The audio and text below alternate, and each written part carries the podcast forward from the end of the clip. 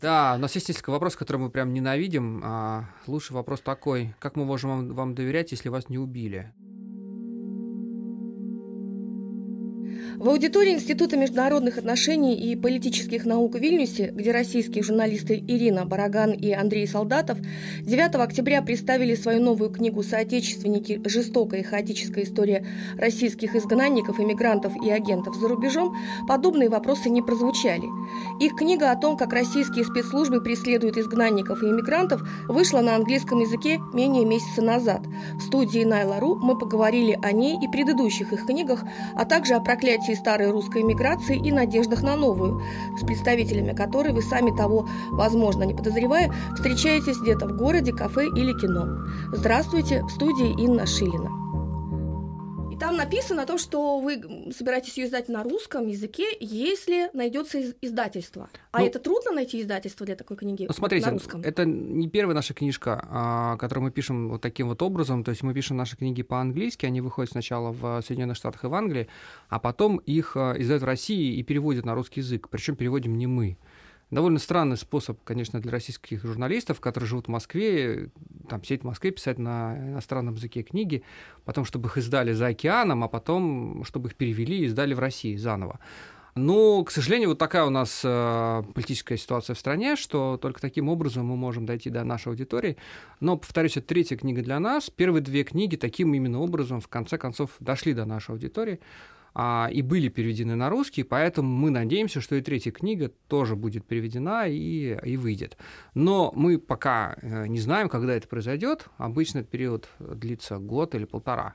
А вот сейчас просто мы даже не можем вам точно сказать, потому что, повторюсь, мы не знаем, когда это может быть. Издательство очень так положительно смотрит на издание такой книги? А... Или вот какой-то риск? Там... Ну, конечно, это всегда э, определенный риск, потому что это все-таки а, довольно щекотливая тема, на которой мы пишем. Мы с 99 -го года 20 лет уже пишем о российских спецслужбах, и каждая книга — это определенный конечно, риск для издателей, потому что могут последовать какие-то а, визиты со стороны там, ФСБ или внимание со стороны ФСБ как нам, как авторам, так, конечно, к издательству. А вы испытывали как авторы?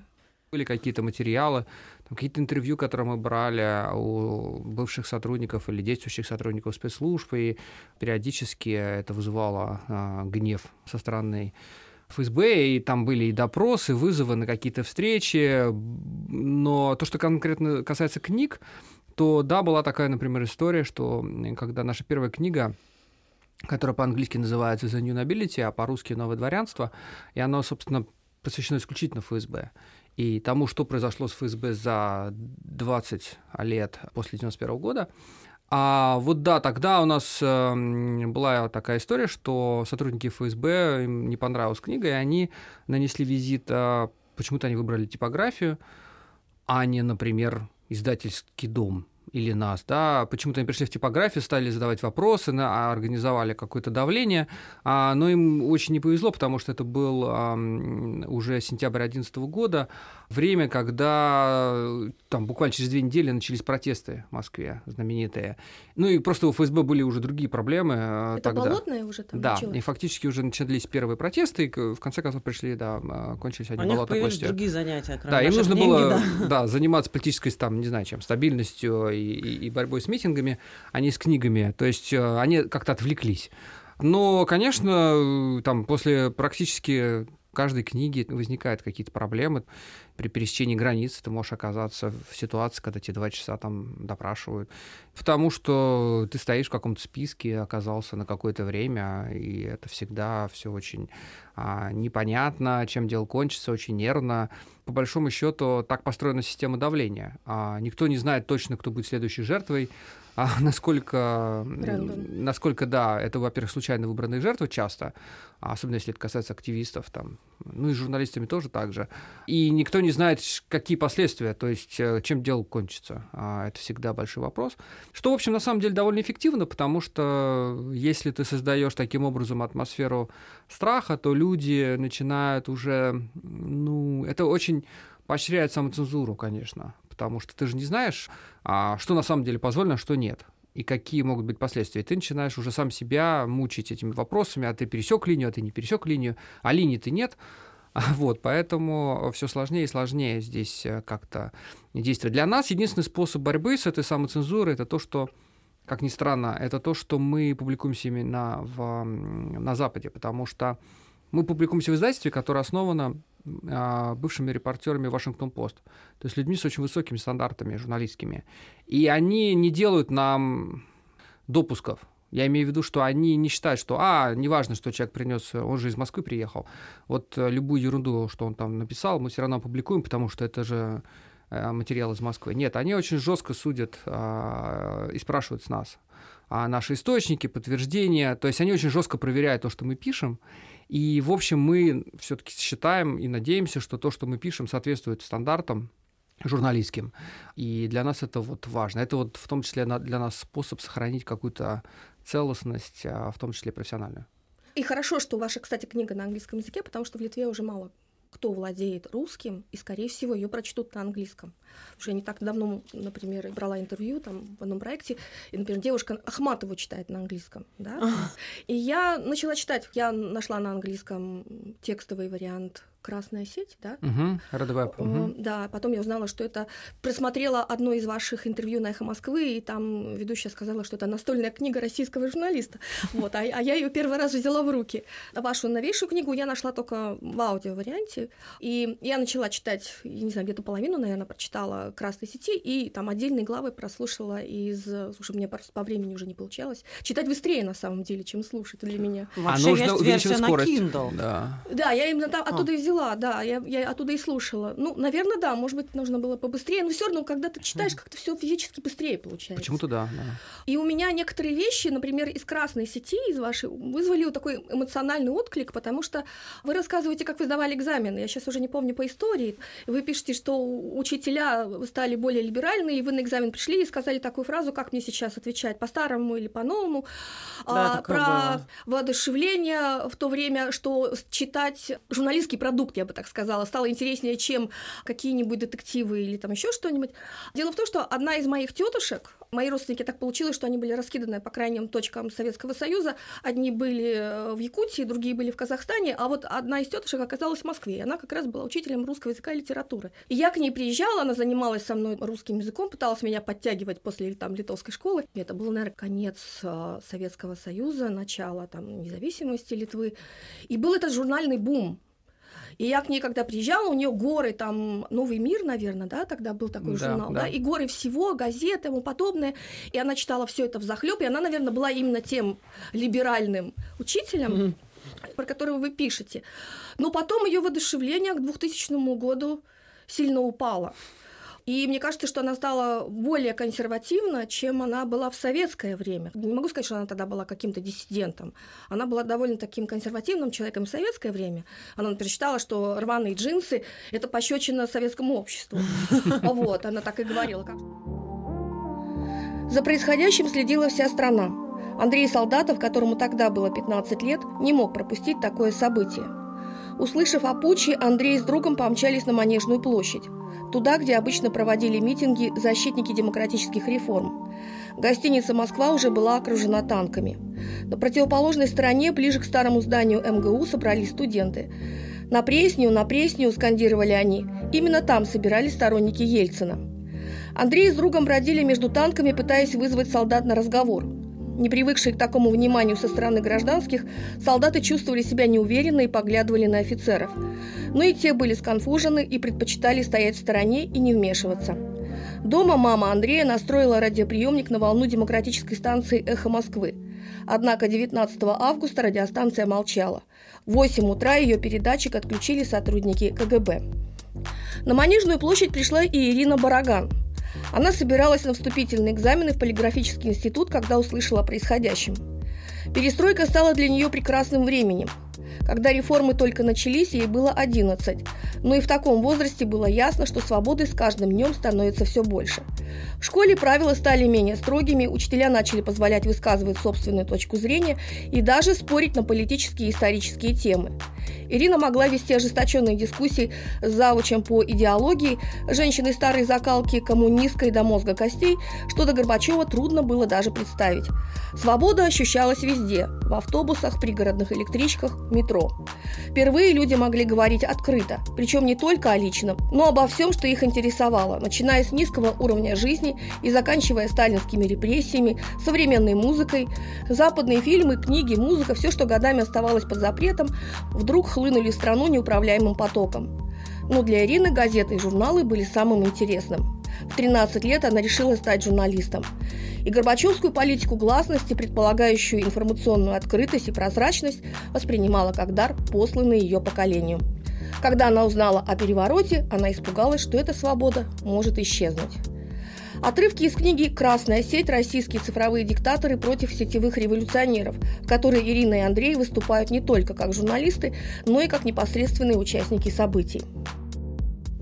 Я еще вот из книги мне запомнилась эта история про создание копировальной машины советской. Там про...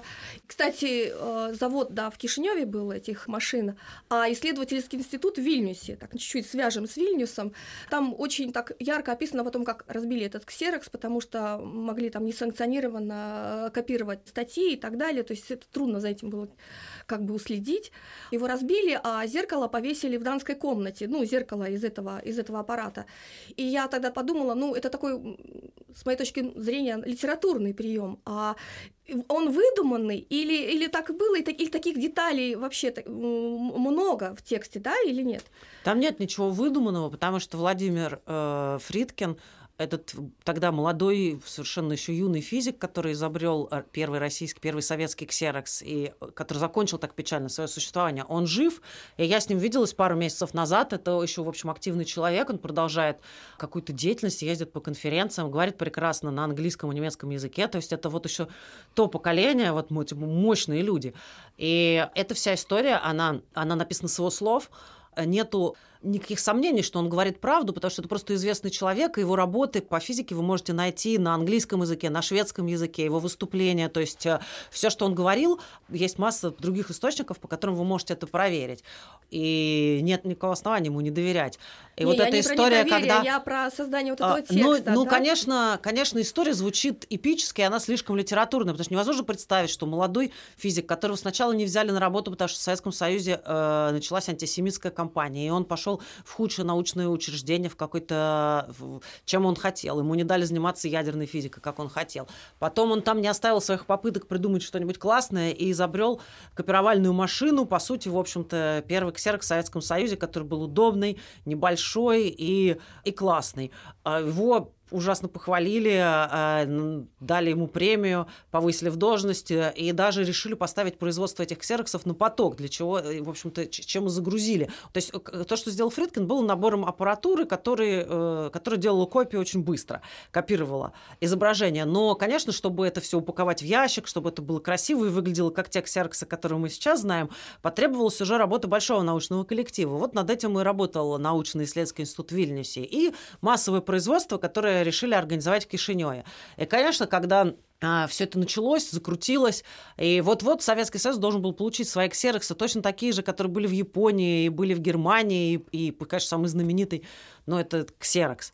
Вот. Э, в других странах. И вдруг это все прекращается, все, все, все, все работы сворачиваются только потому, что советское руководство испугалось, что э, будут распространять э, с помощью этого ксерса диссидентскую литературу, и советский народ получит доступ к архипелагу ГУЛАГ, другим книгам, и начнет их читать, в то время как распространялась э, вся эта литература, они фотографировали. Или и, на машинках перепечатывали. Да, перепечатывали на машинках. Это было ужасно, и, очень, и, и, и понятно, что это очень, очень затратный способ, это долго. А тут засунул листочек, и через 20 секунд вынул уже скопированный. И вот так можно за день произвести произвести несколько книг, а, скопировать. Вот поэтому они испугались и остановили все это, все это дело. Но аппарат, который изобрел Фридкин как вот набор этой аппаратуры, он у него остался лично в кабинете уже в Институте кристаллографии. И к нему заходили его коллеги, и они ксерили научные статьи. То есть там никакую диссидентскую литературу они не распространяли. Это было бы просто неосмотрительно в таком месте, как Институт кристаллографии. То, в общем, кто-то донес, видимо, до кого-то дошло, кто-то принял решение. И к нему пришла сотрудница КГБ. Это была очень милая женщина, как он мне рассказывал, вообще приятная красная, и они пили с ней чай, болтали. И она сказала, что машину надо уничтожить. Ее разломали, просто разломали на куски. печальную просто историю невозможно придумать, потому что в Советском Союзе не было нормальной копировальной техники, и потом они и Политбюро, и ЦК платили огромные деньги, чтобы купить ксероксы на Западе, и что-то там, свои даже документы копировать. А ту технику, которую создали в советскую копировальную, впоследствии она была громадная, неудобная, и даже там в Политбюро ей даже не пользуются. Огромные какие-то шкафы, совершенно никуда не годные. И это такая вот печальная история про то, как если вы хотите остановить прогресс, э, вы, конечно, можете его остановить, но вы проиграете а, и будете покупать свои ксероксы и все остальное, айфоны, айпэды, айпады, будете покупать э, на Западе. Еще когда я читала быть, про, про эти э, скопированные там научные статьи, и сразу вспомнила эту недавнюю историю, то, что ученым в России сейчас их обязали э, докладывать о своих зарубежных там, поездках, связях. Это началось уже несколько лет назад, да. Более того, они вынуждены сейчас, как э, в старые советские времена, собирать подписи перед поездкой. То есть, э, например, я один раз попал в командировку с одним сотрудником одного из российских институтов, который сказал мне, что он собирал то ли 6, то ли 8 подписей прям так звучит по-советски. То есть он ходил к директору института, заместителю директора, начальнику по режиму, начальнику первого отдела, какому-то еще бухгалтеру. Везде он получал подписи. И это значит, что когда он вернется, то он тоже должен будет написать какие-то отчеты, там, с кем он встречался, какие разговоры вел. Конечно, это звучит дико ну, архаично и, и, и совершенно по-советски, и это очень неэффективно с точки зрения контроля, но это очень эффективно с точки зрения, зрения запугивания. Все понимают, да, надо вести себя поаккуратней, поосторожнее выступать э, и так далее. То есть, ну да, вот такие вот у нас возвращаются у нас. Э, Еще это жуткий многие... закон новый про физических э, лиц инагентов. Да, что могут быть физические, то есть обычные люди могут быть признаны иностранными агентами. То есть они даже вот могут поделиться материалом иностранных СМИ, которые не зарегистрированы, или как? Я... Не, не, нет, это работает не так. Это работает следующим образом. А, если обнаружится, что человек, который, например, распространил, ну там перетвитил, расширил статью сайта, допустим, Радио Свобода, то есть одной из тех организаций, которые внесены уже в список нежелательных вражеских иностранных СМИ, вот если окажется, что этот человек перед этим получил в какой-то форме а, материальную там компенсацию от иностранцев, а это может быть не только, например, зарплата, но это, например, может быть премия. Допустим, посылка это как... от бабушки. Ну, например, это посылка от бабушки, или ему коллега привез, а, я не знаю, какой-нибудь э, какой-нибудь подарок из-за рубежа, да, а, а, или, да, или он, например, правозащитник, и ему премию дали, не знаю, Нобелевскую премию ему дали. Вот это будет считаться достаточным основанием для внесения этого человека в, в реестр иностранных агентов.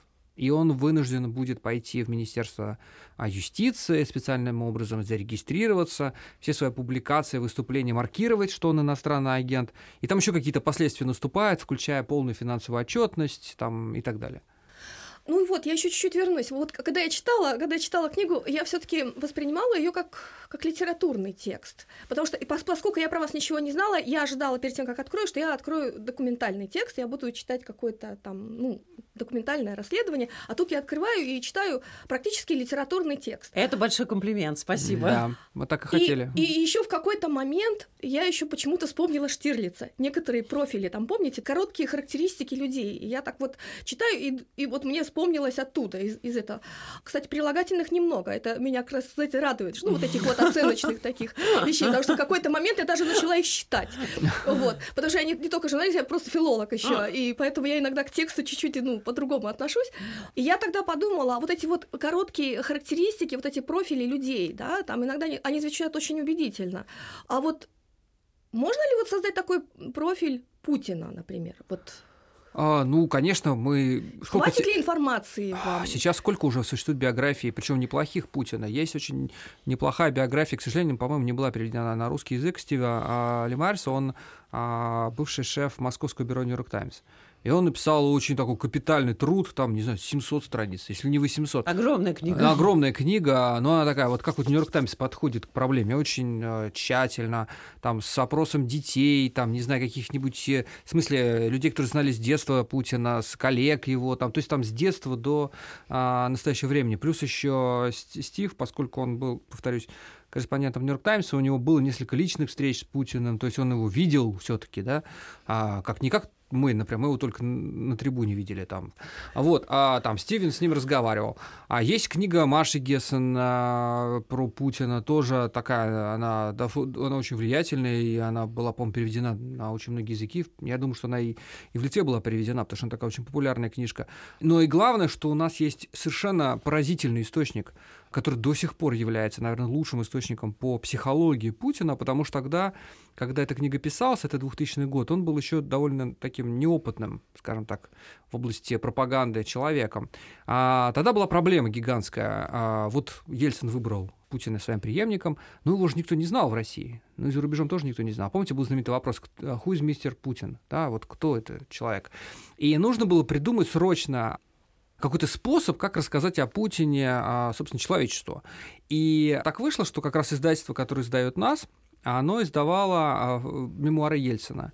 И э, Валентин Юмашев, а, тогда он был а, кто там, глава, глава администрации, администрации глава администрации президента Ельцина, и, соответственно, он и курировал вот этот вот переход от Ельцина к Путину. Приехал к нашему издателю и сказал... За вот что он... мы не можем ему сказать спасибо? Нет, не можем совсем. Он приехал к нашему издателю и сказал, ну вот, э, нам надо как-то Путина представить миру. Давайте он, как вот Ельцин, тоже книгу напишет. Ну, наш издатель сказал, слушайте, никто не поверит, что подполковник КГБ в состоянии написать книгу. Но это будет абсолютная фикция, глупость просто. Ну, Ельцин может написать книгу, там, Горбачев может написать книгу. Ваш Путин, а кто знает, ну, ну, это будет ерунда. Даже Сталин редактировал статьи, да, лично? Нет, ну, Сталин все таки да. еще в подполе, да, все таки писал какие-то книги и, и до того, как пришел к власти, да, а тут все таки мы берем прям человека из ниоткуда, и он вдруг автор книг. Ну, это что-то в стиле Брежнева. И а, наш издатель тогда сказал, возьмите нескольких журналистов, которые у вас есть хороших, у вас же есть хорошие журналисты, посадите с ним на пару недель, пусть они с ним сделают серию интервью. Из этого мы получим какой-то материал. И так и сделали. Нашли э, нескольких журналистов, да, Наталью Тюмакову, э, Андрея Колесникова, Наталью Геворкян. Посадили, я не помню, насколько, на две или на три недели с Путиным в 99 году. И они с ним сидели и разговаривали. И поскольку Путин был человек крайне, повторюсь, неопытный, то он в конце концов много проговаривался. Эта книжка вышла на русском языке, она называлась «Разговор от, перв... как это? от первого лица». От да? первого лица. От первого лица. А, на английском называлась, по-моему, «First Person».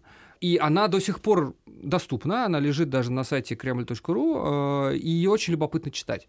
Во-первых, потому что он там говорит про свое детство, и знаменитая история про крыс, загнанную в угол, она, собственно, оттуда. Я даже не знаю. А, там есть знаменитая история, что нельзя крыс загонять в угол, потому что они кидаются. Потому что Путин загонял какую-то крысу в угол в детстве. Палкой. И она, палкой, и она на него кинулась. Но это немножко говорит нам, да, о психологическом портрете этого человека.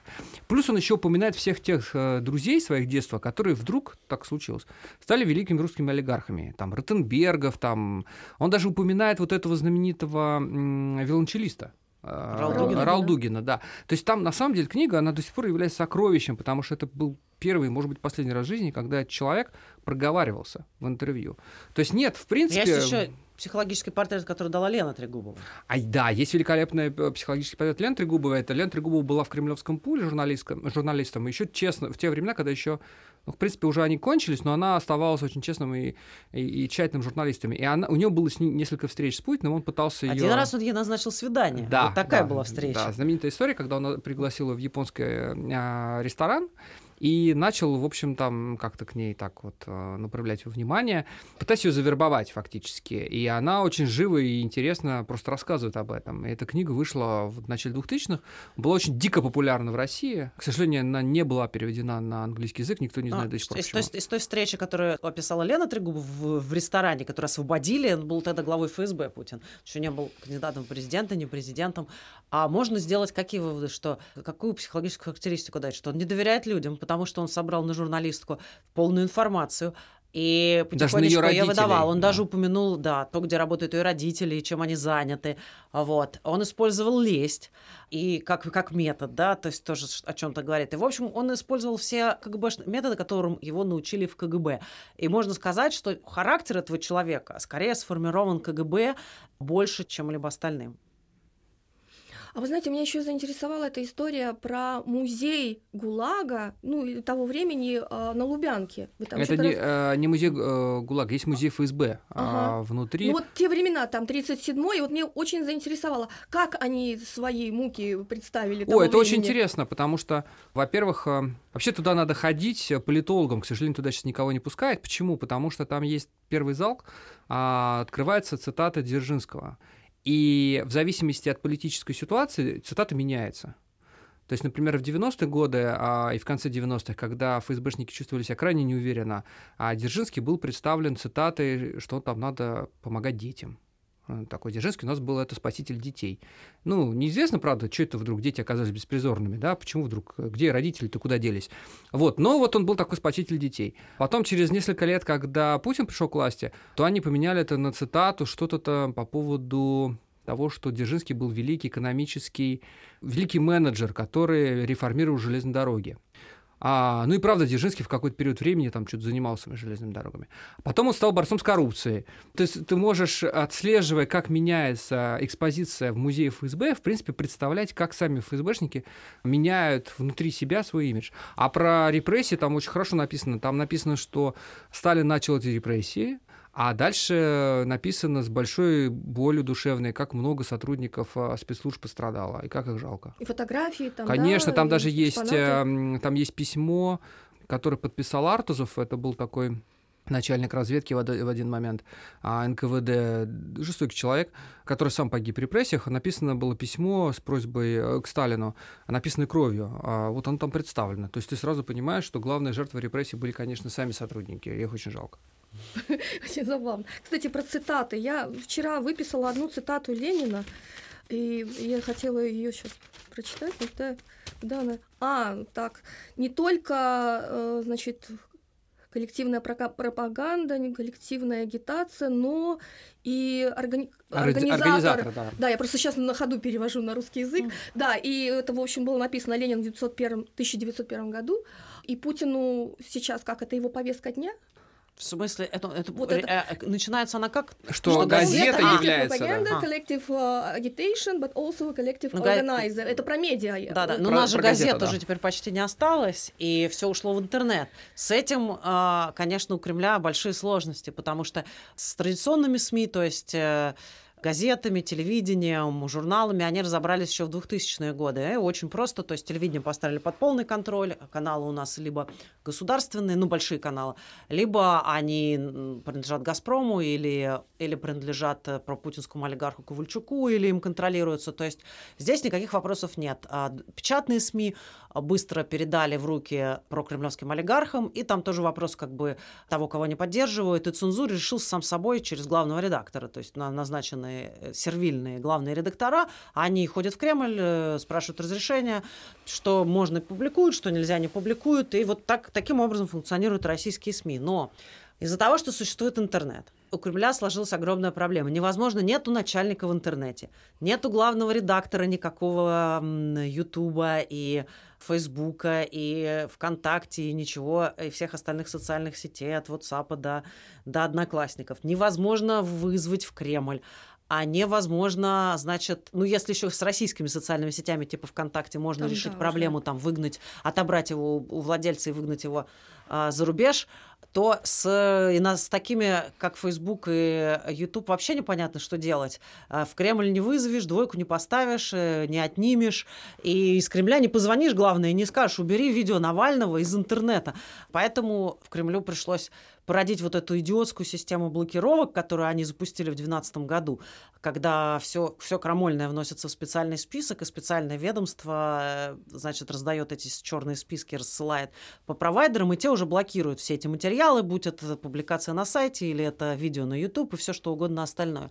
Но, к счастью, до сих пор она работает довольно плохо, и если у вас есть VPN, или даже вы используете какую-то специальную функцию в своем браузере, вы легко можете найти доступ ко всем этим материалам. Но работа ведется, она продолжается, принимается все больше и больше а законов. вот что-то тестировали недавно на Дальнем Востоке. Там, а, тестировали, а, да, тестировали оборудование, которое должно... А а у нас есть новый закон о суверенном интернете, который фактически а, предполагает, что в случае там в час X Россию можно будет изолировать от а, глобального интернета. так сказать, закупорить все каналы. И этот закон, он на самом деле э, не только про изоляцию страны в целом, но и про изоляцию конкретного региона. Там, например, что-то случается в каком-то регионе, и Кремль боится, что а информация из этого региона распространится на другие регионы. Следовательно, должна быть такая функция, такая, такая возможность э, изолировать этот регион. А, собственно, на самом деле именно про этот, этот закон, э, даже больше, чем про изоляцию страны.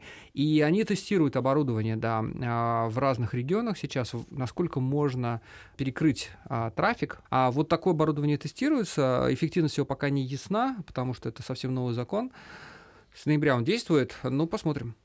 Недавно интервьюировала журналиста из Таджикистана, так он сказал, что у них деньги и интернет проходят через одни руки, через президента, и говорит, что Россия идет по нашим стопам. Так ты что? Ну, это э, не совсем так, в том смысле, что в Тадж... э, во многих центральноазиатских странах на самом деле интернет был построен, там довольно слабая была инфраструктура изначально, и во многих этих странах просто один провайдер существует. А в России все-таки именно этот бизнес, интернет-бизнес, очень бурно и свободно развивался. И вообще нам очень повезло, что Владимир Путин много лет не пользовался интернетом, забыл про него вообще. И до, в принципе, московских протестов 11-12 года интернет не считался политической проблемой. Поэтому это дало нам вот этот вот какой-то задел, что ли. То есть с 91 по 2012 да, не было фактически никакого регулирования. Люди могли строить как угодно сети. В результате у нас появилось много провайдеров, много каналов, много кабелей а, оптоволоконных, которые связывают нас с миром и связывают нас внутри страны. Это просто технологически сложнее поставить под контроль. Это не так, как во многих странах, там, которые даже и тот же Таджикистан, который там несколько кабелей, и то они интернет получают через Россию. В смысле, им проще поставить под контроль, а сложнее активистам и, и, и оппозиции, и журналистам. А в России все-таки есть какой-то еще вот этот вот эм, гэп, и все-таки интернет достаточно свободен. Что там за история была про Википедию и Путина, что он там... То, что касается Википедии, почему-то неожиданно они решили, что Википедия это очень плохой э, источник информации. Ну, видимо, потому что там любой может написать статью, и в Кремле не прочитают, и нельзя цензурировать. А вот, поэтому они э, решили заменить ее какой-то чем-то, каким-то подобием российской энциклопедии и потратить на это еще немножко денег из бюджета. Вот такая идея.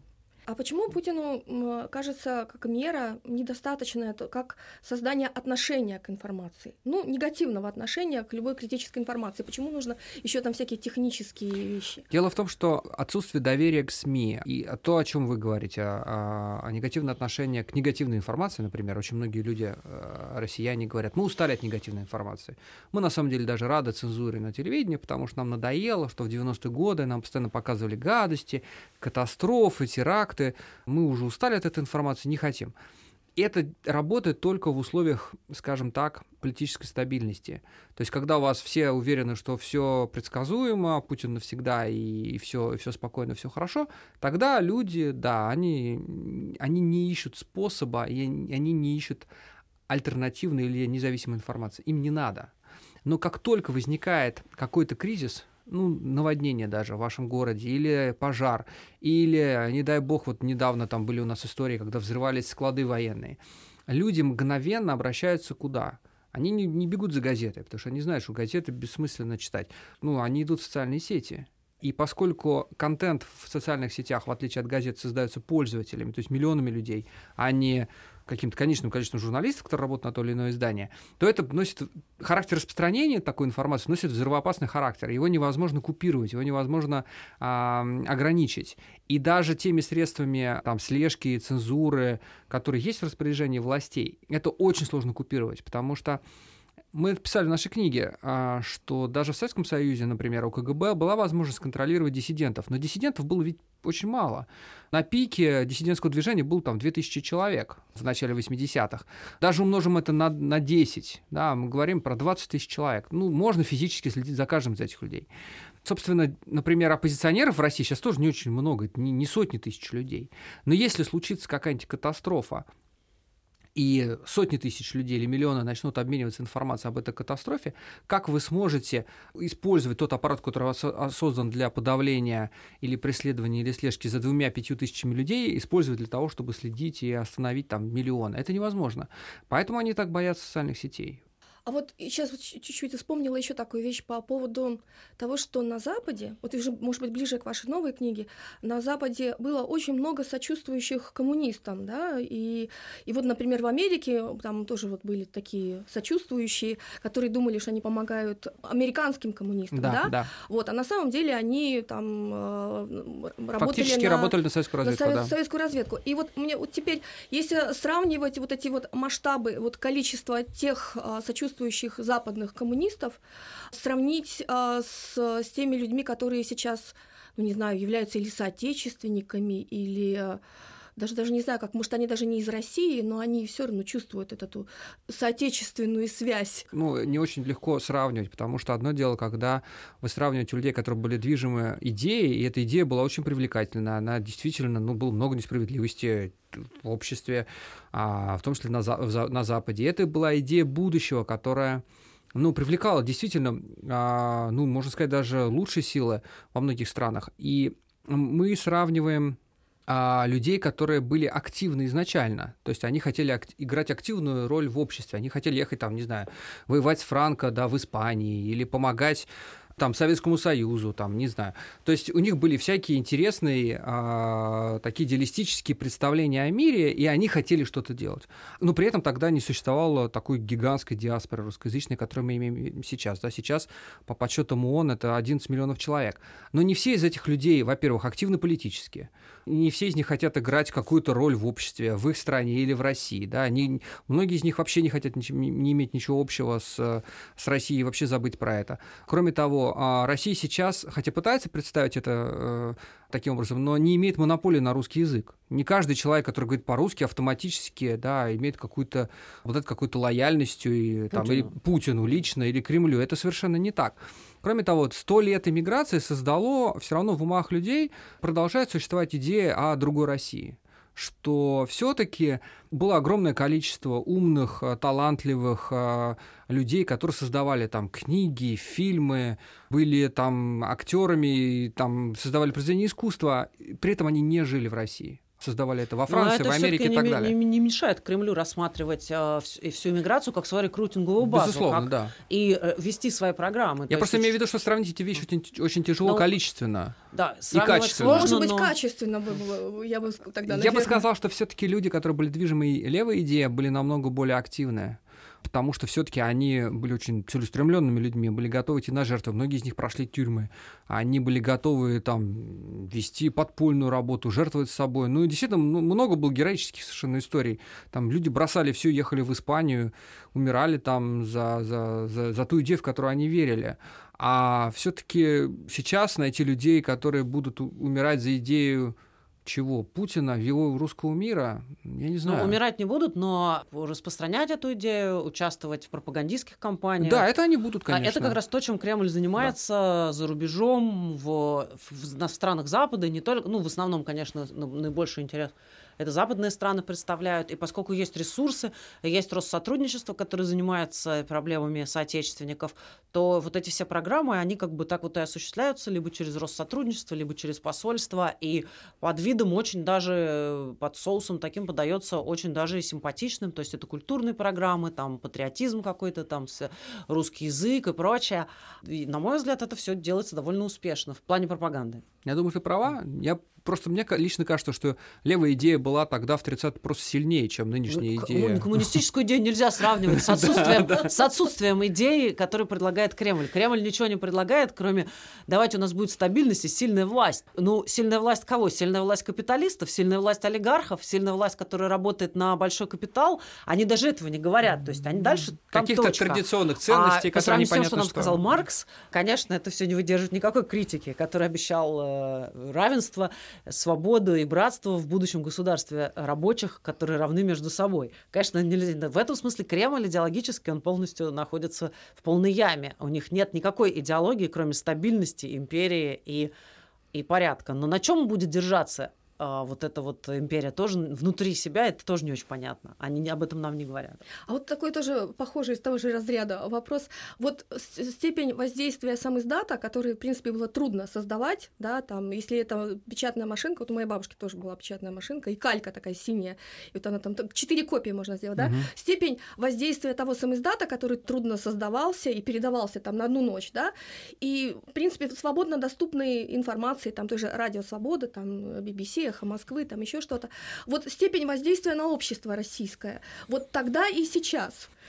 Наверное, все-таки сейчас ситуация лучше. Я думаю, что сейчас люди все-таки знают больше. Другое дело, что часто они выбирают нежелание знать.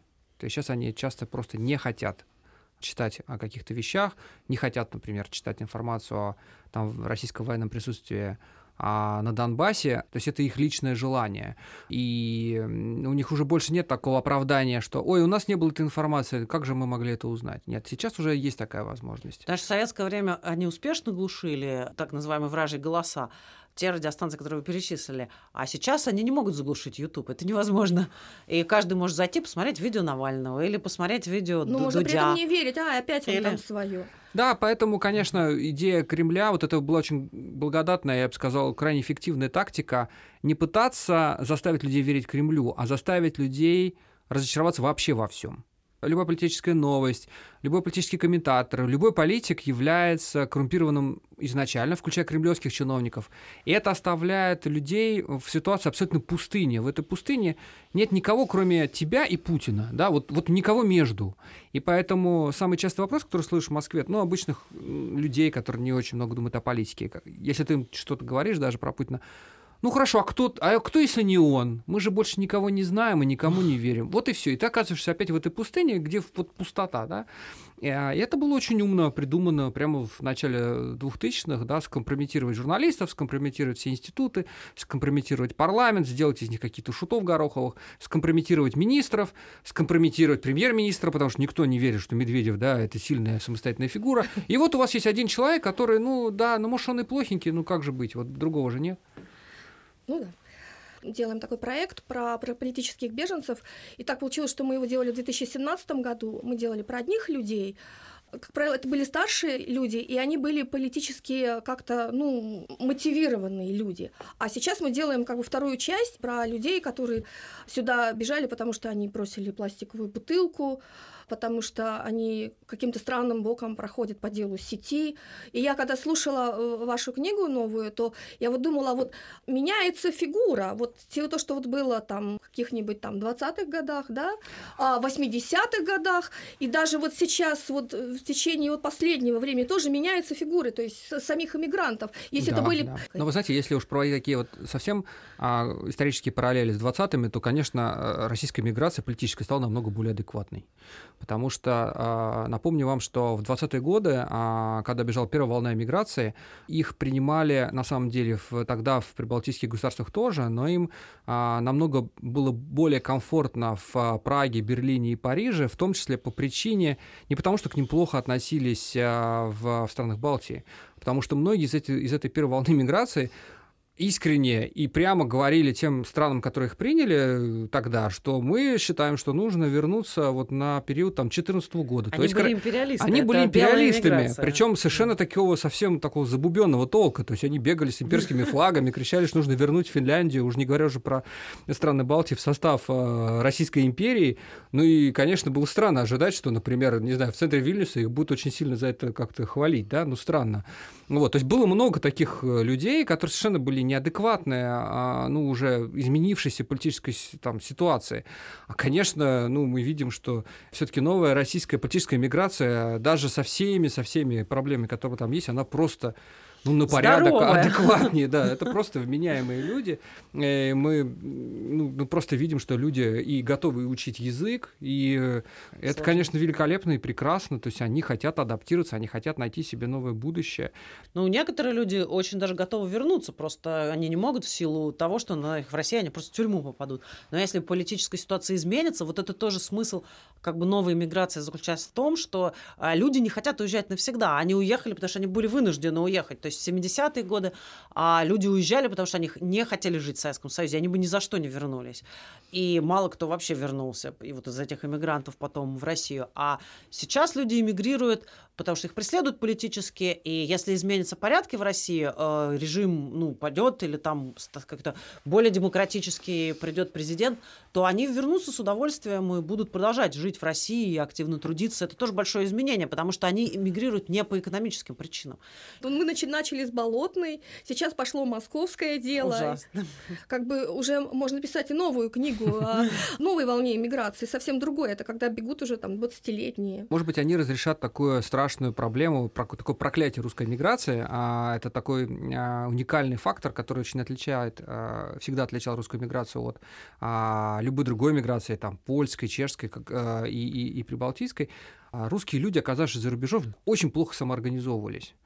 А если даже они создавали какие-то организации, они постоянно друг с другом ругались. И это у нас полкниги посвящено тому, как они друг с другом ругаются. Это ужасно читать, потому что, ну, они то они какие-то протесты они устраивали друг против друга, они дикая подозрительность. Ну, конечно, как бы это использовало а, очень успешно, но в общем, честно говоря, у них все получалось очень плохо. И а, единственный такой положительный пример, мы все искали, ну давайте найдем хоть один положительный пример. Вот что вот политическая миграция, русская, советская, а вот, вот когда у них что-то получилось, а, да, а, или а, повлиять на западное общественное мнение в отношении Советского Союза, или как они смогли повлиять на, а, на Советский Союз. Вот что-то у них хоть вышло из того, что они делали, потому что они же все пробовали, от терроризма а, и засылки там, агентов обратно в Советскую Россию до там, убийства советских чиновников за рубежом. И выяснил, что получалось только одно, когда они действовали как полные индивидуалисты, когда они писали книжки. Вот когда русский человек писал книжки, вот тогда получалось, да, там, если Солженицын напишет свои книжки, вот это меняло общественное мнение. Если Светлана Аллилуева сбежит и напишет свою книжку «Дочь Сталина», то опять это имело огромное влияние на, э, на общественное мнение и сначала и в Америке, и потом и, и по всему миру. А, но вот, вот с организациями все время плохо получался. Так что, может быть, новое поколение иммиграции сможет разрешить эту проблему, сможет создавать какие-то организации и как-то эффективно действовать. Тем более, что какие-то признаки этого уже появляются. Уже все-таки предпоследнее поколение тех людей, которые уезжали после 2014 года, они как-то, да, лучше друг с другом ну, договариваются, ну, лучше друг друга понимают. Друг а им угрожает какая-то опасность? Тем людям, которые вот у нас сейчас, их довольно уже ну, много. А как мы знаем, что по, как бы Кремль э, не любит политических иммигрантов, активных и успешных. Например, со многими случались разные неприятные вещи. Например, Владимир Карамурза, это российский оппозиционный политик, который много лет уже живет в Америке, он в то время, когда приезжал в Россию, его два раза отравили. И спасся он чудом. Да, и, вы, и понятно, что никому, книге, кроме да. Кремля, да, э, его отравление было не нужно. Единственной причиной, по которой он мог, мог быть отравлен, это потому, что он лоббирует антикремлевские санкции в Америке и довольно успешно, и вносит российских чиновников, причастных к нарушениям прав человека, и российских олигархов в черные списки.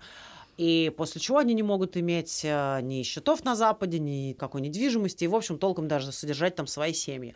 Э, людям, которые способствуют развитию авторитарного режима и его укреплению, он не дает им возможности спокойненько а, жить на Западе, пользуясь деньгами из российского бюджета.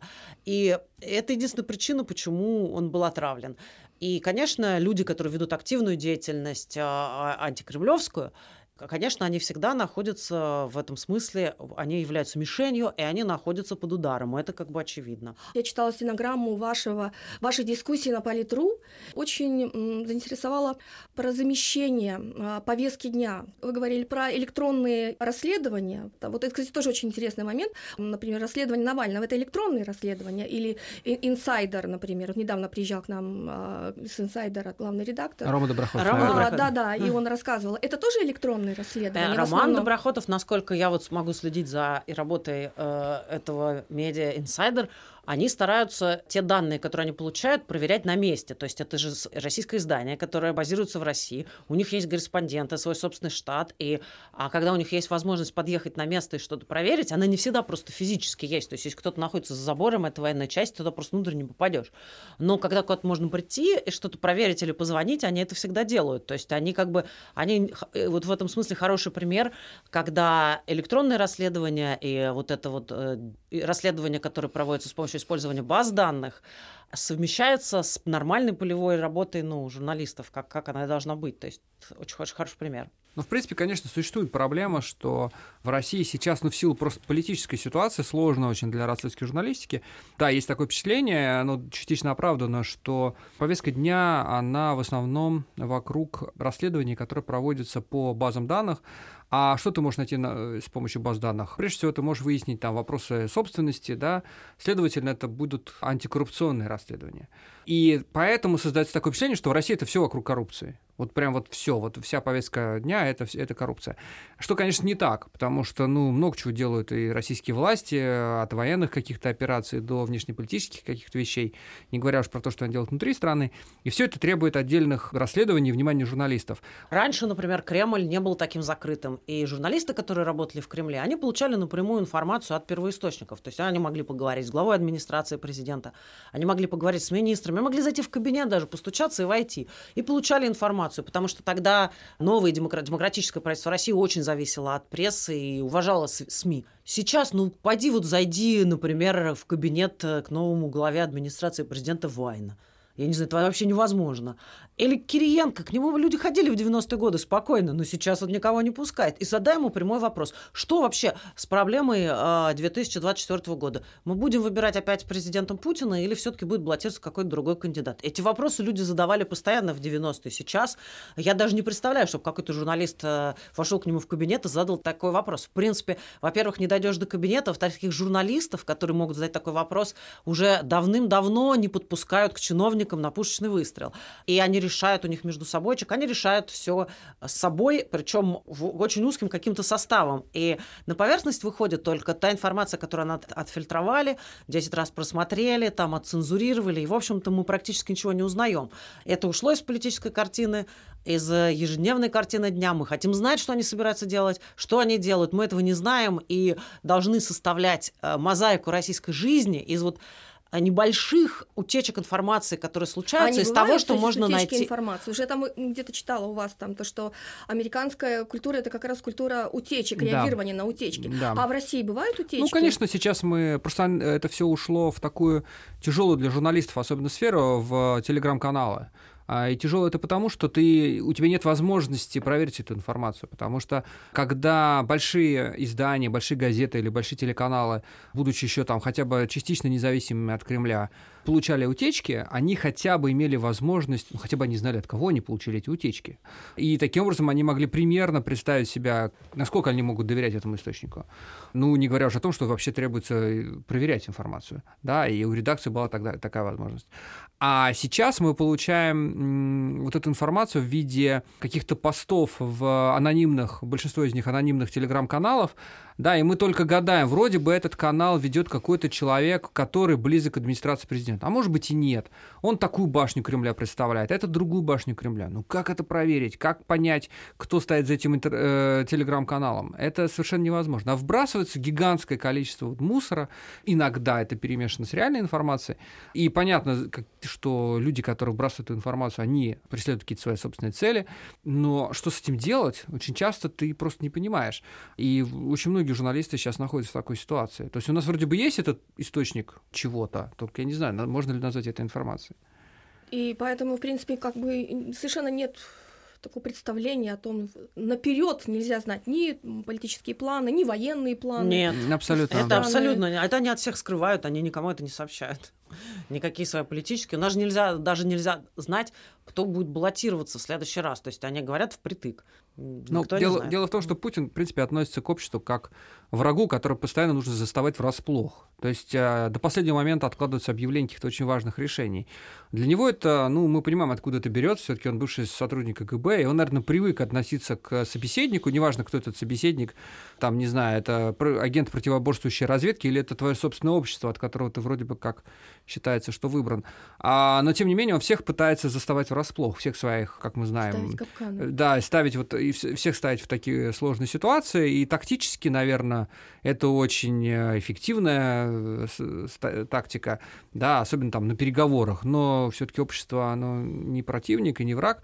Но, тем не менее, мы живем в этой реальности уже 20 лет, и это распространяется абсолютно по всем государственным структурам, то есть э, на уровне там даже мэрии городов а, мы не имеем возможности а, там получать или подтверждать информацию, это такая рутинная история, и это очень плохо влияет на внутреннюю культуру журналистики, потому что а, получается, что все больше и больше журналистов вынуждены операции ссылаться на анонимных источников, а это тоже развращает, потому что если ты ну, сослался там на пять источников, да, откуда-то, и тебя ни, никто не может проверить, но у тебя есть большое искушение придумать эти источники, да, или изменить информацию, которую они, или точку зрения, которую они тебе сказали, так, как тебе удобно.